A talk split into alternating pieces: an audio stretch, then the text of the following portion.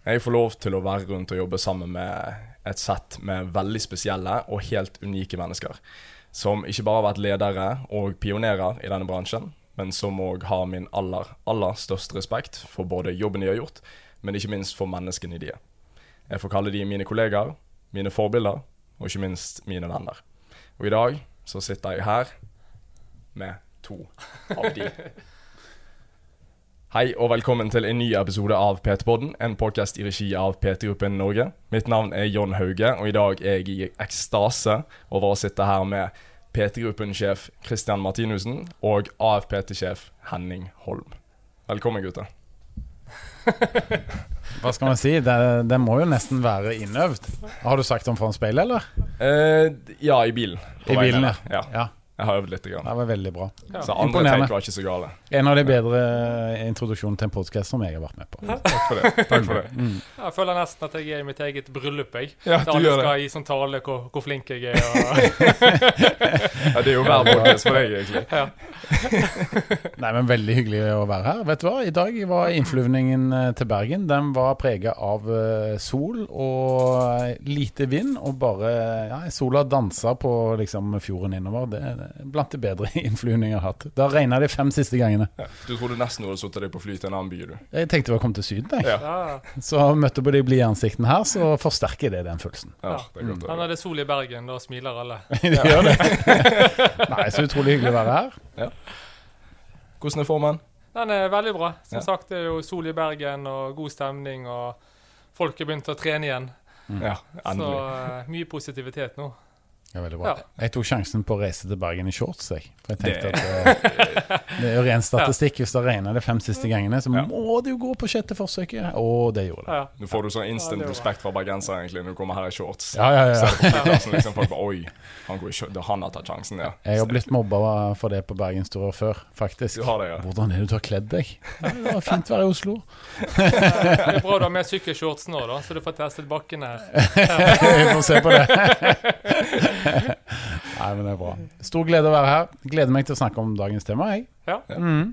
Vi tenkte vi skulle snakke litt om um, hvordan å bygge opp et PT-team. Mm. Og Det er jo noe som uh, ikke bare du har gjort Christian, før, men du har gjort det på en nasjonal skala i tillegg. Mm. Det har jeg. Jeg var jo så heldig at jeg jobbet i EVO i ti år. Og når jeg begynte, så var jeg vel uh, ja, vi var vel fire-fem uh, personlige trenere som jobbet der i 2010. Og når jeg takka booka for meg, så var vi akkurat bikka 200 PT. Så det var jo en uh, vanvittig reise, altså. Uh, men når det kommer til dette med å bygge en kultur, så tror jeg det er viktig å si eh, hvorfor det å ha en god kultur er så Eller bør være en prioritet, da. Mm. For det at en PT som er en del av en kultur som fungerer, og et PT-team som, som jobber på en måte som er støttende for senteret, det vil òg være høyst fordelaktig for den enkelte PT. Mm.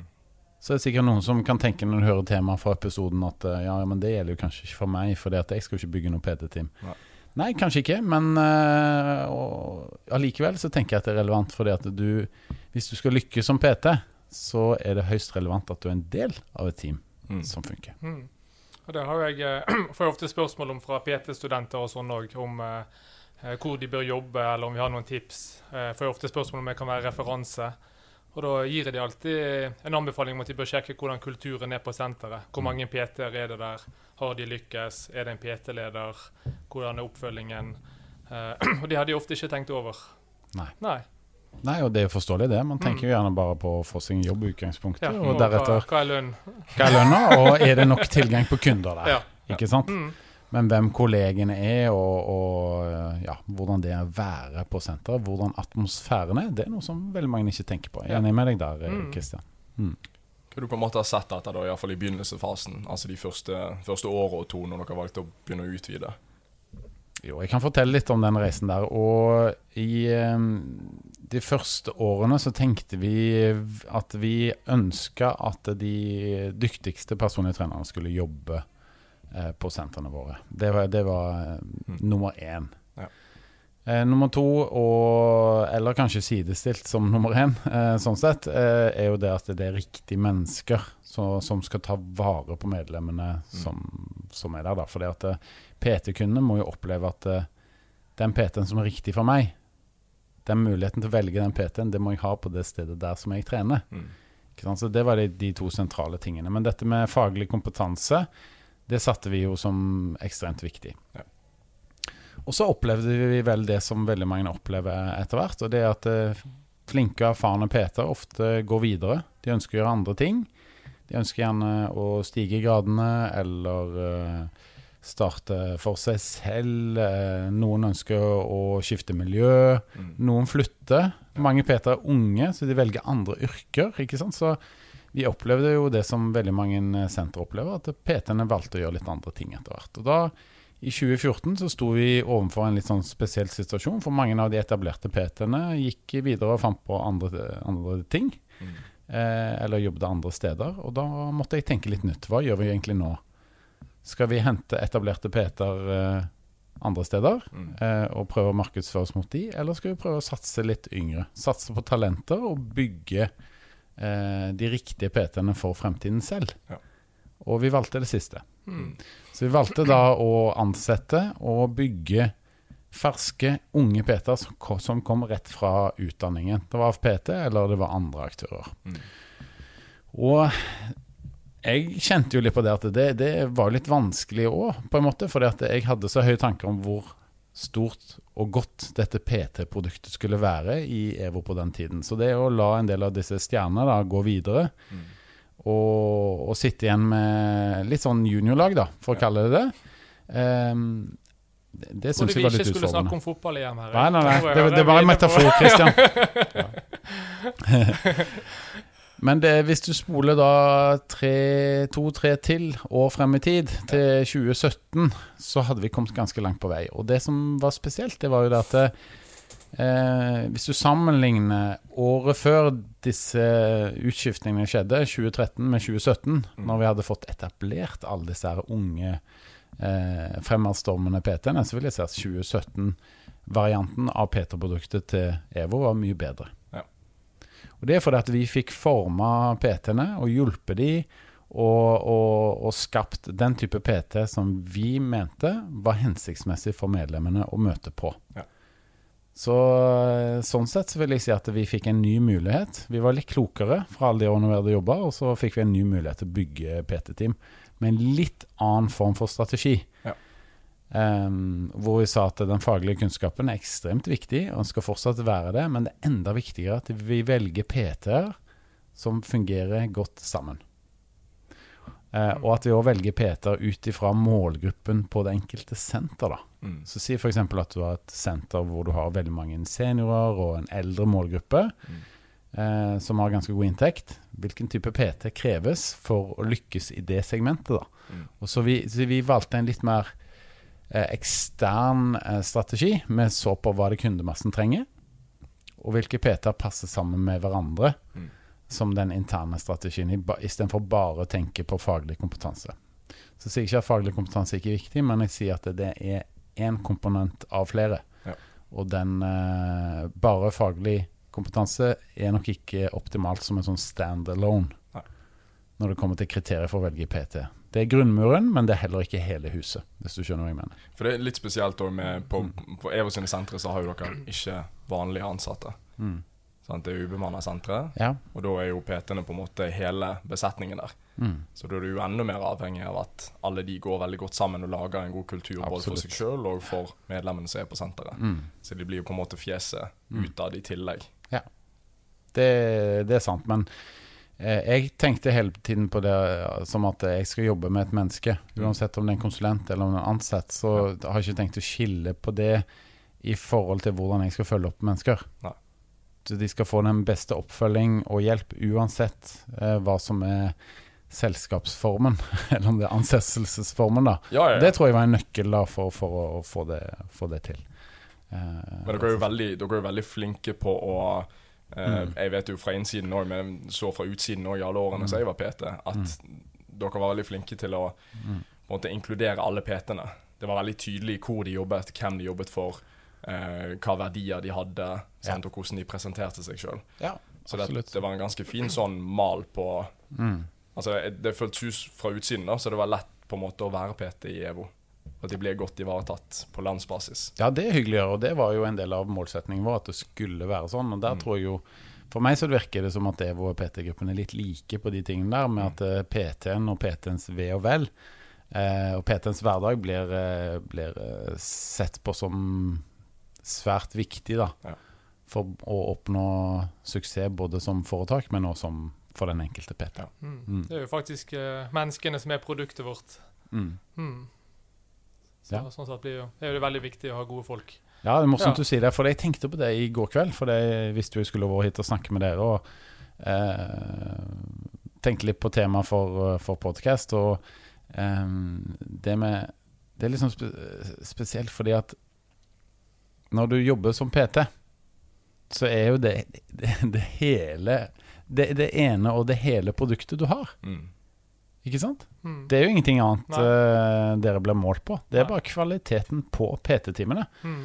Og sånn sett så er det jo på en måte en høy risiko, men også en høy gevinst. Mm. Ikke sant? For at eh, hvis PT-en ikke leverer, nei, men da går, det, går kunden et annet sted. Da Mm. mister du kunden. Mm. Du kan ikke vinne kunden på en annen måte. Nei. Mm. Mens hvis eh, PT-en lykkes, ja, da har du kunder som går der i årevis. Ikke sant? Mm.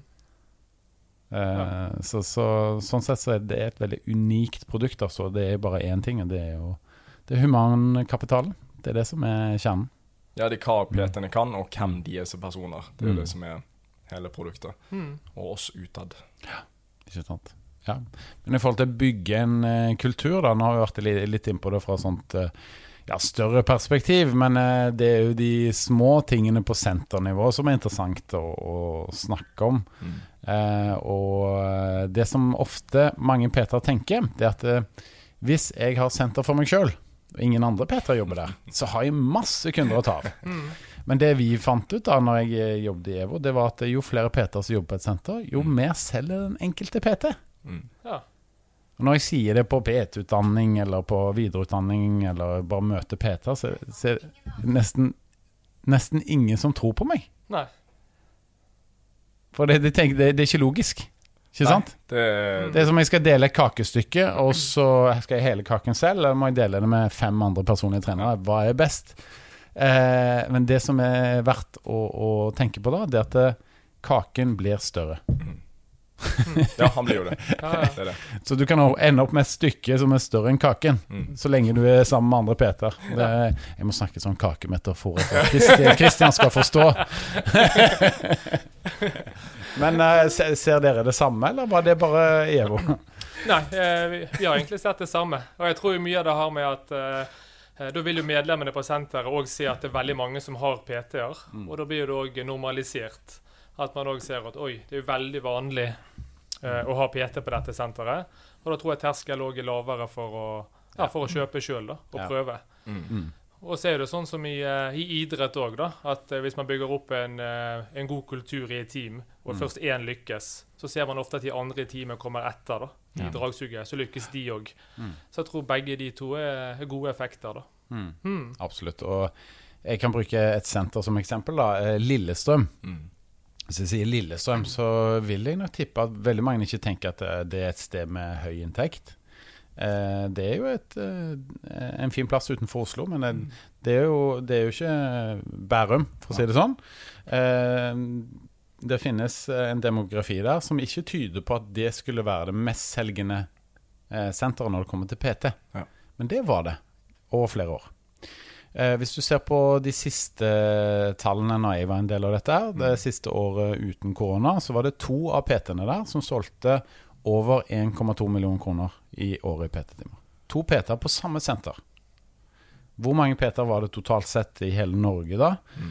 Av de 200 PT-ene som solgte for over en million, Ja. det var fem PT-er. Men to av de var på samme senter. Ikke tilfeldig.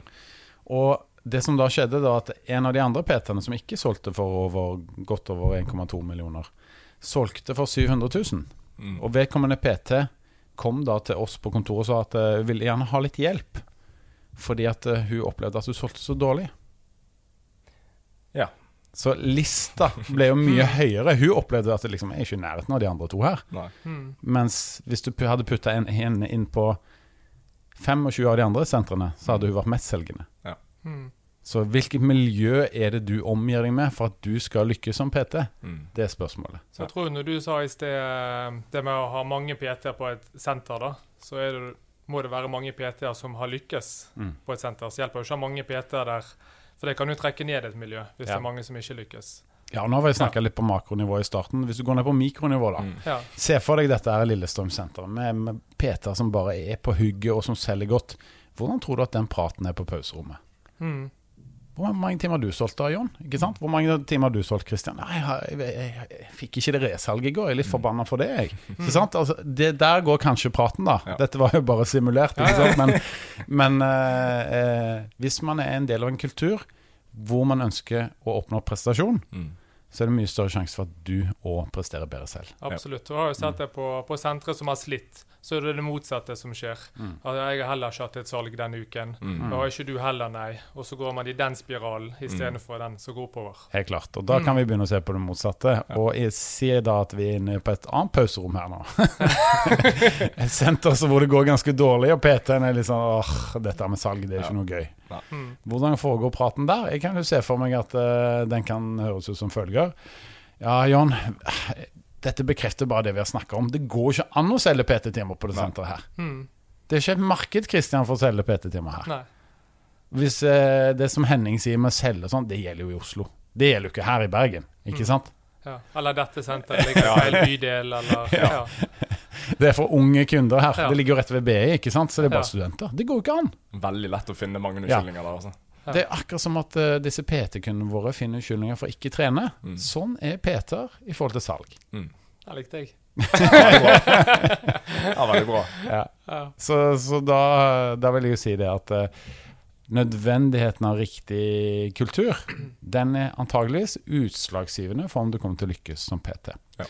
Ikke skrevet i stein, men en generell påstand på at uh, hvis du setter deg selv inn i et miljø hvor det er tradisjoner, og det er eh, gode erfaringer med å lykkes som PT, så er det Mm. selvsagt mye, mye høyere statistisk sjanse for å få det til Mm. eh, på individuelt nivå. Så kan du si at på, eh, når jeg var PT-leder i Elixia, så hadde vi på det senteret som da var Elixia Kokstad, da, to PT-er eh, som begge ble Nordens mestleverende PT-er i Elixia. Mm. Og det tror ikke det, det som du sier, det er nok ikke tilfeldig at jeg var på samme senter. Og i tillegg så hadde vi fire som var på topp ti, utenom de to. Så vi hadde seks PT-er som var på den listen. Mm. Og det er nok fordi at uh, Det var i Norden, sant? Ja, i Ja. Norden. Mm. Ja, så kan du si, hvis du drar det over til idrett, da. Uh, Ingebrigtsen-brødrene. Mm. Ja. De er jo en del av samme kultur, og de er brødre til og med. ikke sant? De trener sammen. Hvor mye har det hatt å si for at yngstemann Ja. plutselig er den aller beste, ikke sant? Og er på så høyt nivå? Mm. Nei, men jeg kjenner, Det er jo ikke bare PT eller treningen min, jeg kjenner det jo sjøl. Mm. Altså, jeg, jeg føler jeg har gjort, eh, jeg gjort en god jobb på en måte i PT-gruppen, men jeg, trodde ikke, jeg tror ikke jeg hadde gjort i nærheten av så god jobb hvis jeg ikke hadde hatt de menneskene rundt meg som jeg har hatt, eller vært i den kulturen som jeg har vært. Sant? For det er en prestasjonskultur. Sant? Folk liker å levere, folk liker å prestere. Og du blir jo smitta av det. Det er umulig å ikke bli smitta av det. Det er akkurat som noen smiler til deg, så smiler du tilbake igjen. For det er litt sånn, Ellers så ser de rart på deg fordi at du bare Hvem i Norge smiler til liksom random Ikke sant? men allikevel, så du blir jo Du blir revet med. Sant? Og da, glemmer du litt de unnskyldningene for å ikke prestere. Mm. De fins plutselig ikke mer. Sant? For dette er bare én vei, og det er liksom framover og oppover. Ja, og, og så kan du si hvordan vet jeg at jeg er i en kultur som funker eller ikke. Eh, det er nok, eh, hvis du er veldig bevisst, så går det an å måle det. Men jeg har erfaringer med PT-er som har skifta miljø. Mm. Enten fra et positivt miljø til negativt, eller negativt til positivt. Og da blir man ofte ekstremt bevisst på om man er en del av en kultur som eh, løfter deg opp, Mm. eller en kultur som eventuelt drar deg ned. da. Um, men der vil jeg si at hvis du er en PT som sliter med å selge, og vurderer å gi deg, mm. ikke gi deg før du har prøvd ett senter til. Mm. Mm. At du ber om å få flytte senter, eller at du bytter Mm. rett og slett til et sted hvor du har mer tro på å lykkes. Og så kommer det alltid Det koker jo ned til deg selv, da. Du må gjøre den innsatsen som skal til. Du må gjøre repsa dine, ikke sant? så for å bli god. Eh, Men hvis du har det på plass, og du har en god salg- og markedsføringsplan som PT, men Mm. ikke helt får det til, Eh, ta deg en titt i speilet på hva du kan gjøre enda bedre, Mm. og så dytte deg selv eventuelt inn i et nytt miljø, og Ja. ser om eh, ja, outcomet blir annerledes. da. Det, det kan være et godt tips hvis du sliter litt. Mm. Mm. Hva var det dere hadde fokus på ut på, um, på Kokstad da, når du var PT-leder? I forhold til både ansettelse av PT og hvordan du la til rette for PT-ene. Mm. Jeg eh, begynte jo som PT i, eh, i 2006 eh, i Elixia, da. Og, og levde av å være PT. Men det, på den tiden så var det ikke så mange av oss eh, i Bergen engang, uansett om det var an, andre kjeder. Så det som jeg merket der, var at jeg hadde ikke så mye kolleger. Og de som jeg hadde, de var gjerne deltid, at de hadde noen gruppetimer, og så tok de litt PT etterpå. En eller to dager i uken, da. Mm. Eh, og at jeg da savnet andre som hadde lyst til å jobbe fulltid, være der hver dag og være i et team og bygge hverandre opp. da, Sånn som jeg har hatt fra, fra idretten. Mm. Så når jeg eh, ble leder, så var det noe som jeg hadde lyst til å, til å få til. Mm. Så da hadde vi egentlig fokus på sånn som du sa, ansatte personer som jeg hadde lyst til å jobbe sammen med, men som òg hadde lyst til å satse og ha PT som et fulltidsyrke. fulltidsyrke. Så da var vi faktisk på det ene senteret på Elixia på Laksevåg, så var det faktisk 21 PT-er når jeg ble ansatt som leder der. Eh, men vi leverte likevel dårligst, eller nest dårligst, i vestlandsregionen. da. Mm. Så det som jeg gjorde da, var at eh, vi tok en samtale med alle. Hvem er det som har lyst til å faktisk være PT her, være med og satse litt, og, og ha dette som yrke, da. Og det var kun syv av de 21. Så da valgte vi å avslutte med de andre 14, satt igjen med kun syv. Og på det neste halvåret så gikk vi over for å være dårligst til eh, delt førsteplass eh, på leverte PT-timer. da. Mm. Hmm. Så det skjedde jo egentlig ganske fort òg, faktisk fortere enn jeg hadde trodd sjøl. Men når det bare ble den gjengen igjen, så, så som du sier, da var det bare positive folk igjen som ville noe. da. Mm. Og det ga en sånn smitteeffekt. Mm. Hmm. Veldig bra. Um, jeg eh, tenkte på en ting når du dro denne historien her, Kristian. Christian. Og det at eh, når jeg en periode så var jeg områdeleder for eh, Elve-senteret. Mm. Um, og da kunne jeg ha sånne PT-møter eh, på flere sentre på samme dag. Mm. Så kunne jeg gjerne ha tre forskjellige møter på én time på tre forskjellige sentre. Så kjørte jeg mellom de ulike sentrene. Og da kunne jeg kjenne på kroppen som leder hvilke kulturer eh, som fantes, da. Mm. Og det ble veldig sånn sammenlignbart. At her var det god kultur, her løfter de hverandre opp, her var det god stemning. Men kanskje på et annet møte så jeg, jeg fikk jeg en feeling på at det her er noe som er usagt, det er en som sliter litt, osv. Eh, når man får alt inn på samme dag, da var det veldig tydelig hvilke kulturer som funka, og hvilke som ikke gjorde det. Mm. Mm. så, så der må jeg si at eh, eh, som PT så er det også viktig å huske på at du òg har et ansvar. Det er ikke Mm. bare lederen som har et ansvar for at en kultur skal funke. Hvis alle PT-ene går inn for at vet du hva, her skal det være rent, her skal det være ryddig. Eh, kaffen eh, skal stå på. Hvis jeg er førstemann som kommer, skal jeg sette på den kaffen. Jeg er sistemann som går, så skal jeg vaske av meg på kjøkkenet. Mm. Eh, og det å lage sosiale happenings, om det er fredagen, så spiser vi lunsj sammen, alle mann. Mm. Eh, en gang i måneden så har vi en Q&A. Hvilke caser har du med ulike kunder som vi kan diskutere og hjelpe hverandre til å løse? Mm. Sier han, han ene kunden min jeg får ikke progresjon, selv om han sier at han gjør alt han skal. Selv om PT-timene funker bra, så får ikke progresjon. Hva, hva, hva kan det være jeg gjør feil her? Mm. Så diskuterer man gjennom den casen, ti minutter. Så er det nesten garantert at du, du får en del eh, output for det, som er positiv. Mm. Så alle disse små tingene her i hverdagen har så mye å si for den generelle trivselen, altså. Mm. Absolutt. Og jeg ser jo òg at eh, når vi får spørsmål om eh, hvor er det best å jobbe henne, er det liksom i Sats eller er det EVO, eller Mm. eh, hvor er det, det er bra å jobbe. Og da tenker jeg litt det som du var inne på, at det er ikke alt, Kjedene har jo sitt opplegg, da, Mm. men det er veldig viktig hvordan det er på det enkelte senter. Ja. Det jo, så det kan være veldig bra på ett senter i den kjeden, men det kan være dårlig på et annet. Mm. Ut ifra hva kollegaer man har, og hva ledelse som er lokalt på senteret. Da. Absolutt. Men det jeg merka på, da, det var jo at eh, hvis du har eh, gjerne en eller to PT-er av 60 Peter som ikke har lyst til å bidra noe særlig til miljøet og til fellesskapet, Mm. så kan det være nok til å ødelegge veldig mye for miljøet, da. Ja. Ikke sant? Mm. Det krever ofte gjerne veldig mange mennesker for å få det til. Mm. Det krever bare én eller to som har bestemt seg for det motsatte, og så blir det dårlig stemning. Mm. Mm. Eh, så der har jo vi som er ledere et ansvar for å identifisere de problemene og ta tak i de. Mm. Og der eh, kan det være, jeg bare sier kan være, at noen ganger så kan man bli litt, eh, litt feig og kanskje ikke ta tak i problemet tidlig nok. Altså. Mm. Mm. Eh, over tid så blir bare problemene større, er erfaringen min. Mm. Ja. Mm. Så eh, Og som leder der òg, så er det lettere å identifisere og gjøre noe med det hvis man er på senteret sjøl, da. Yes. Og hvis man er litt sånn at man farter rundt, Mm. som eh, vi òg gjør av og til i lederstillingene, så er det av og til litt vanskeligere. Mm. Mm. Ja, for du får bare en time om gangen av og til. sant? Nettopp, Og og så hører du litt, men du får liksom ikke Mm. med deg helt hvordan, hvordan ting er på gulvet i hverdagen. da. Mm. Mm. Jeg tror tidlig mandag morgen så kan du fint ta tempen på hvordan, eh, hvordan stemningen egentlig er. Om folk er klar for uken. Ja. Ja, kan jo si det at På et senter, hvis det er sånn at folk gleder seg til å komme seg på jobb på mandag, Yes. Da har du jo lykkes ganske bra. Altså. Eh, og jeg har jo inntrykk av at de aller fleste PT-er som får det til, som har en plan om å jobbe som PT, og ikke bare jobbe som PT, men ha en godt betalt jobb som PT, Mm. som eh, trives med jobben, og som liker hverdagen med kundene sine. Hvis du har nok av de PT-ene på samme sted, Mm. selv om de er ulike som personligheter, eh, og i alder og kjønn, så funker det ganske bra. Så det, det å ha liksom et sånt eksternt syn på ah, hva, hvor vil jeg hen med denne PT-karrieren, der kan du nok, eh, når du skal rekruttere PT-er, eh, hjelpe deg selv i stor grad, altså. Mm. Mm. Men det, er det, det er det sånn, For å skryte litt av PT, da, så er det jo på en måte det fleste av PT-studenter jeg snakker med i forhold til både ansattes vier og, Mm. og diverse andre mennesker. Og alle de småtingene her om hvordan å bygge en kultur på et senter, det føler jeg at er en kunnskap som AFPT-studenter kommer ut med, i tillegg. Mm. Til at de jo kan bli sånn, nesten sånn mini-PT-leder, fordi de vet at det ansvaret det må tas. Hvis det ikke blir tatt fra før av, så står de nesten klar for å ta det. Det er jo noen personligheter som gjerne fungerer bedre til sånne ting enn andre ting, men de får den, eh, den menneskelige oppfølgingen hos dere. Og det er veldig tydelig fra utsiden.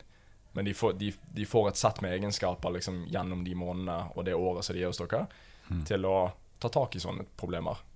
Og lage en kultur eh, som fersk PT-student. Mm. Og det tror jeg er et verktøy som er ganske sånn Ikke nødvendigvis nytt, men det er ekstremt viktig at òg liksom, PT-ene er både bevisst på oppgavene som skal gjøres for å bygge en kultur, at de ikke står og venter på én enkelt person som skal sette i gang et opplegg. For du trenger jo, Har du syv PT-er, men én PT-leder, så er det jo mye større sjanse for å lykkes hvis du har syv PT-er som er klar over alle de gjerne egenskapene som den lederen må ha, eller oppgavene som lederen har. Mm. Sånn du kan fordele litt. Ja. Sånn det er flere som, som ror samtidig. Ja, veldig fine poenger, og takk for eh, fine ord. Eh, jeg vil jo si at på salg, markedsføring, coaching så snakker vi jo veldig mye om disse tingene Mm. med, med hvor viktig det er å ha en god, god kultur rundt seg for å lykkes. da. Mm. Um, så der, eh, der er vi mye innom det temaet der. Um, og da er det sånn som vi snakket om innledningsvis, at PT-ene de, de er liksom ikke forberedt på at de har et ansvar i, i den delen der. Men, men uh, hvis, når vi først begynner å diskutere det, så catcher de det ganske fort. Mm. Det er jo klart at uh, vi alle et stort ansvar for uh, atmosfæren som man skaper, både i tosomheten da, mellom deg og kunde, men òg i det kollegiale forholdet til kolleger. Men der òg er det noe spesielt, for at det å forelese for Peter Hvis du er veldig faglig sterk på, på både anatomi og biomekanikk og alle disse tingene, så det må selvfølgelig til. Men det er noe annet når du har forelesere som har vært i bransjen Mm. og gjort dette her sjøl. For hvis ikke du får til disse tingene her, så hjelper ikke all kunnskapen deg. Nei, det er Du kommer mest sannsynlig ikke til å lykkes. Du har iallfall ikke like stor sannsynlighet for det. Mm. Så det å ha forelesere fra bransjen som både har vært med å bygge opp bransjen, men òg har vært PT sjøl og vet hvordan dette her er på gulvet, Mm. det har jo enormt mye å si med tanke på hvor praktisk yrket er.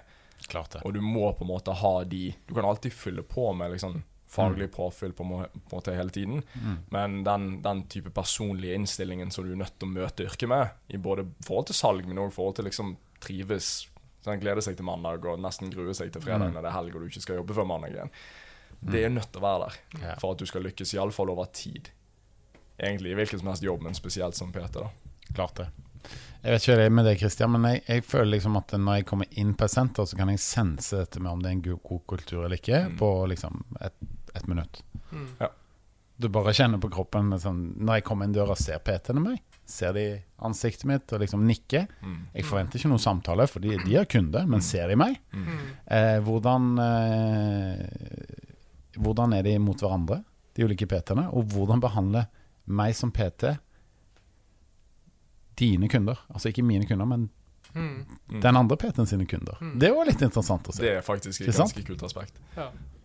Uh, og der har jeg lyst til å bare si en ting som jeg kom på akkurat nå. Jeg fikk en melding fra en kunde i går. Mm.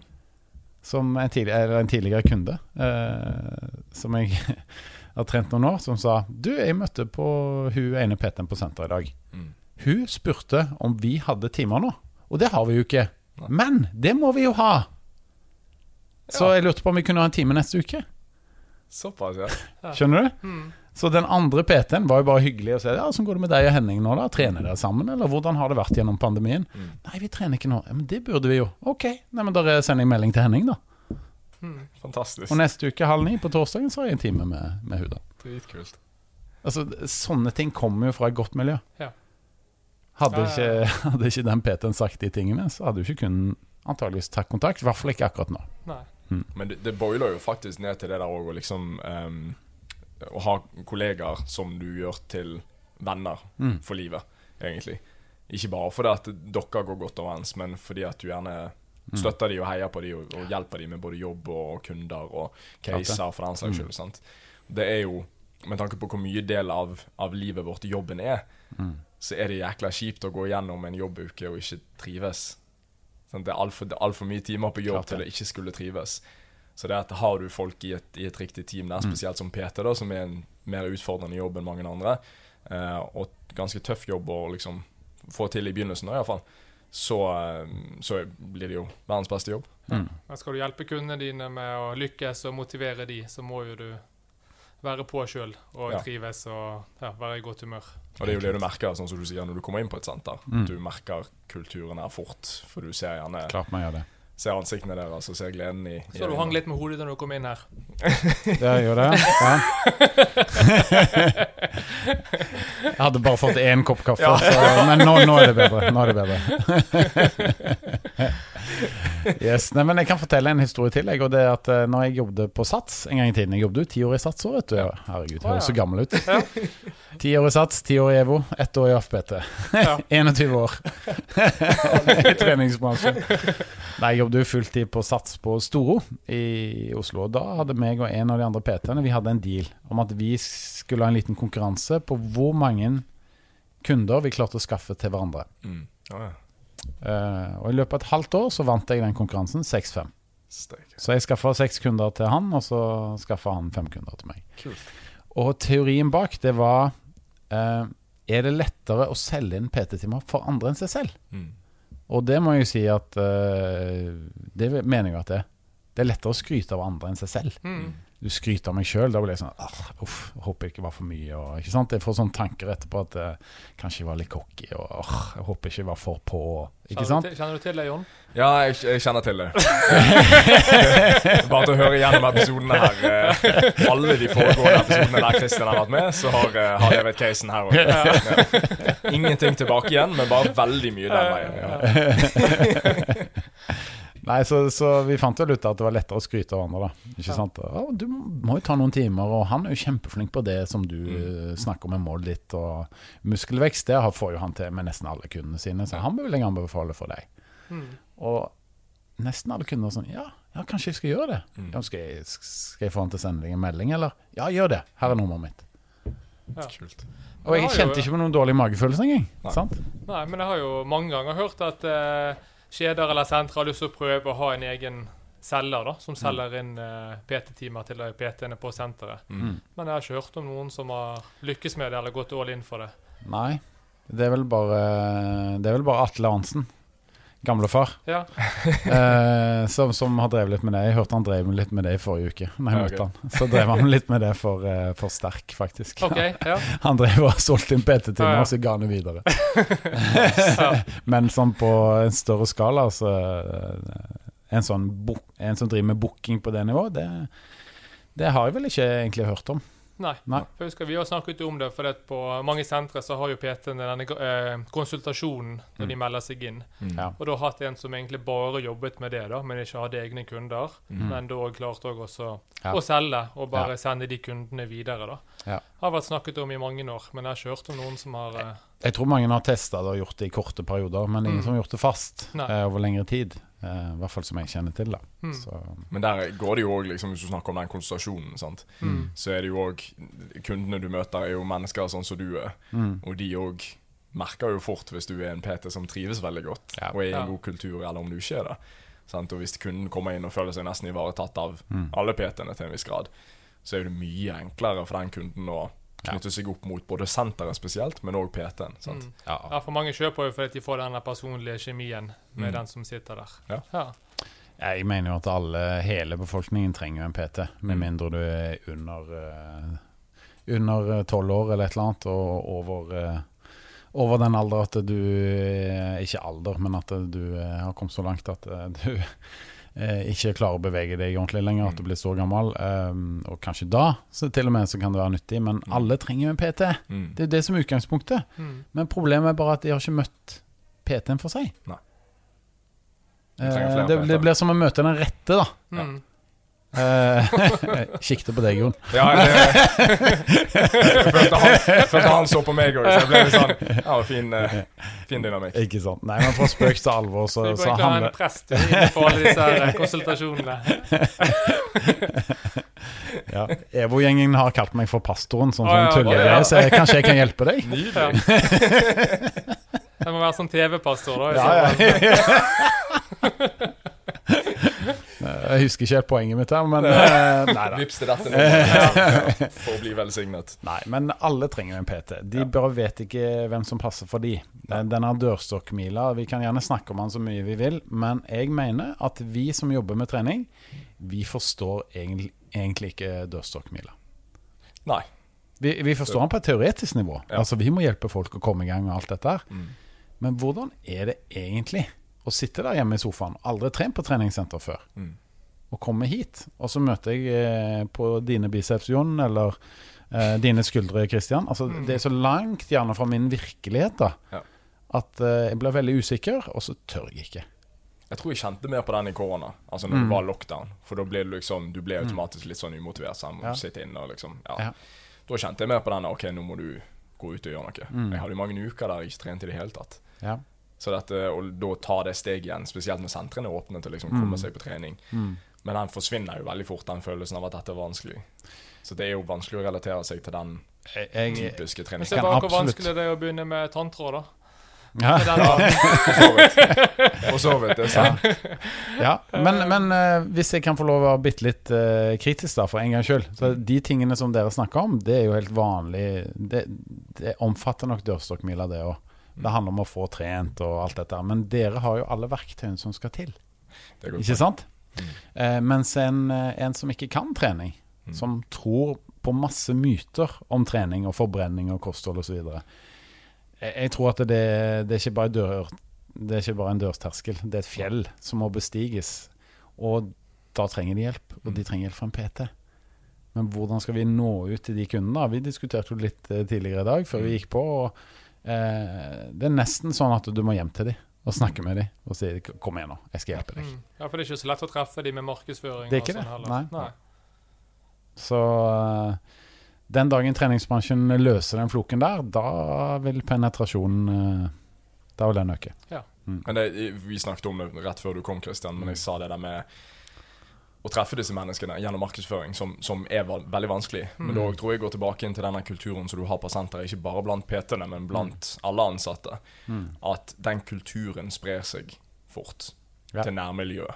Sant? Og da er det lettere å hanke inn flere Mm. av disse her som gjerne aldri hadde sett for seg å gå på et treningssenter. Mm. Fordi at du gjerne Jeg tror mange ignorerer den, det, den sosiale biten da som du Mm. får av å gå på et treningssenter. Enten Ja. du går og trener med PT på et PT-senter, eller du går på et offentlig senter og, og bare trener. Mm. Så er jo den sosiale biten noe av det folk som har gått på et treningssenter i alle år, savnet ekstremt mye nå når covid og nedstenginger. Helt klart. Så jeg tror klarer du å spre den liksom i lokalmiljøet, fra det senteret som du, som du er Mm. på, så tror jeg du kan lykkes ganske godt med det. Men jeg tror det er vanskelig å gjøre liksom Mm. nasjonalt bare via Ja, det, men det må gjøres, liksom. ja, det må gjøres i det små. Helt enig. Og spørsmålet er jo for å Hvis du skal finne ut hvem er disse menneskene vi snakker om nå, mm, som ikke man møter på her på PT-gruppen eller på et av de andre sentrene rundt omkring. mm, Eh, og spørsmålet da er Kjenner du noen i ditt nettverk mm. som er av den typen? Som aldri har gått på treningssenter? Kjenner du noen? Veldig mange. Det gjør jeg òg. Mm. Kjenner du noen? Hva var det? Noen som aldri har vært på treningssenter før? Er det noen i nettverket ditt som ja, det var det. Men som eh, jeg Mm. faktisk klarte å få kjøpe PT nå. Ja, ikke sant? Eh, som fikk det i julepresang, Mm. men faktisk ikke klarte å Vi klarte ikke å få den personen i gang før nå, da. Så egentlig et halvt år Ja. etter hun faktisk fikk Ja. timen i julepresang. Mm. Så tok det å, å få den personen inn. Det er det perfekte Eh, eksempelet. Ja, så til og med etter at han fått det gratis i presang, så Mm. tok det et halvt år med overtaling og Ja. sånn. Men det har gått kjempebra. Fantastisk. Ja, og det traff med PT-en. Ja. Det er akkurat det som er Mm. poenget. Mm. Der ser du hvor vanskelig det er. Ja, og så er Mm. jo vi litt heldige sånn som her på PT-senteret, så har jo ikke vi noe sånn stor medlemsmasse. sant? Det er jo bare et privat senter med PT. Så det er jo senket nok eh, terskel lite grann. Mm. Mm. Klart det. Nei da, så, så nøkkelen ligger nok i at man tenker ikke bare på senter, men også litt utenfor senter. Hvor kan jeg finne kunder utenfor senteret som jeg kan ta med meg inn på Mm. senteret? Det, det pleier jeg å prøve å utfordre PT-ene på, for det er ofte der du finner den der kunden som, eh, som du virkelig kan endre livet til, altså. Mm. Mm. Nei, men kanon. Ja. Mm. Nå skal vi eh, straks videre, så dette eh, sier litt stopp her. Eh, og så er det jo Denne episoden er veldig til å spre rundt, egentlig. For det er som sagt før i sosiale medier, iallfall fra PT-gruppens side, og EVO er, er ganske identisk der. Mm. Det er det at vi vil jo at andre aktører skal lykkes like mye som vi lykkes. Mm. Vi vet at flere, jo flere aktører, jo flere som, som lykkes med det, jo flere mennesker har PT, jo mer normalisert blir det å ha PT.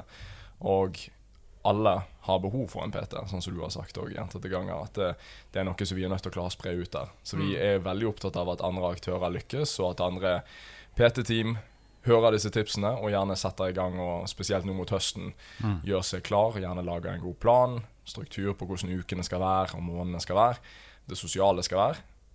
Så håper Ja, vi at det Jeg tenker akkurat, akkurat det, vi sier, for det motsatte òg. mm, Hvis det er sånn at vi har aktører som er dårlige på PT, mm, og folk er misfornøyde, så vil det òg gå utover oss. Mm. ja, det Så det er derfor det, liksom det, det henger sammen. Mm. Mm. Absolutt. Jo flere som bruker PT, jo flere får trent. For det at det er kontinuiteten som er den viktigste grunnen Mm. til at eh, folk som eh, trener med PT, er i bedre form enn de som ikke gjør det. Ja, og jo flere som går på AFPT sin salg- og markedsføringscoaching-modul, jo flere vil Hvor mye hva var provisjonen min? Lettere å snakke om andre seg selv, ja. Da fikk vi bekrefta det. uh, ja, ja, ja. Herlig. Herlig å være på besøk hos dere. Ja. Ja, dette her, Masse god er veldig gøy. Dette er veldig gøy. Ja. Det er merkbart at alle har fått i seg litt kaffe, i hvert fall. ja. Det blir en bra Det dag. er sånn det er når det er første sol i Bergen, vet du. Ja. Og, eh, da er det god stemning. Ja. blir litt sånn høy med en gang. Ja. Høy på den sommerfølelsen. Kan jeg avslutte med et lite tips Veldig til de som jobber som PT, og som planlegger nå for høsten? Mm. Sørg for at du har en skikkelig plan. Ned på dagsnivå for hva du skal gjøre hver enkelt dag. Eh, hvis du f.eks. fra mandag til fredag har alt fra to til fire aktiviteter som du skal gjøre for å få nye kunder hver dag, så er det kjempestor mulighet for at du har dratt med deg alt fra tre til ti nye kunder i løpet av fire uker. Mm. Og Det er helt generelt på generelt grunnlag jeg sier det, men eh, du må passe på at du har PT-produkt som folk vil ha.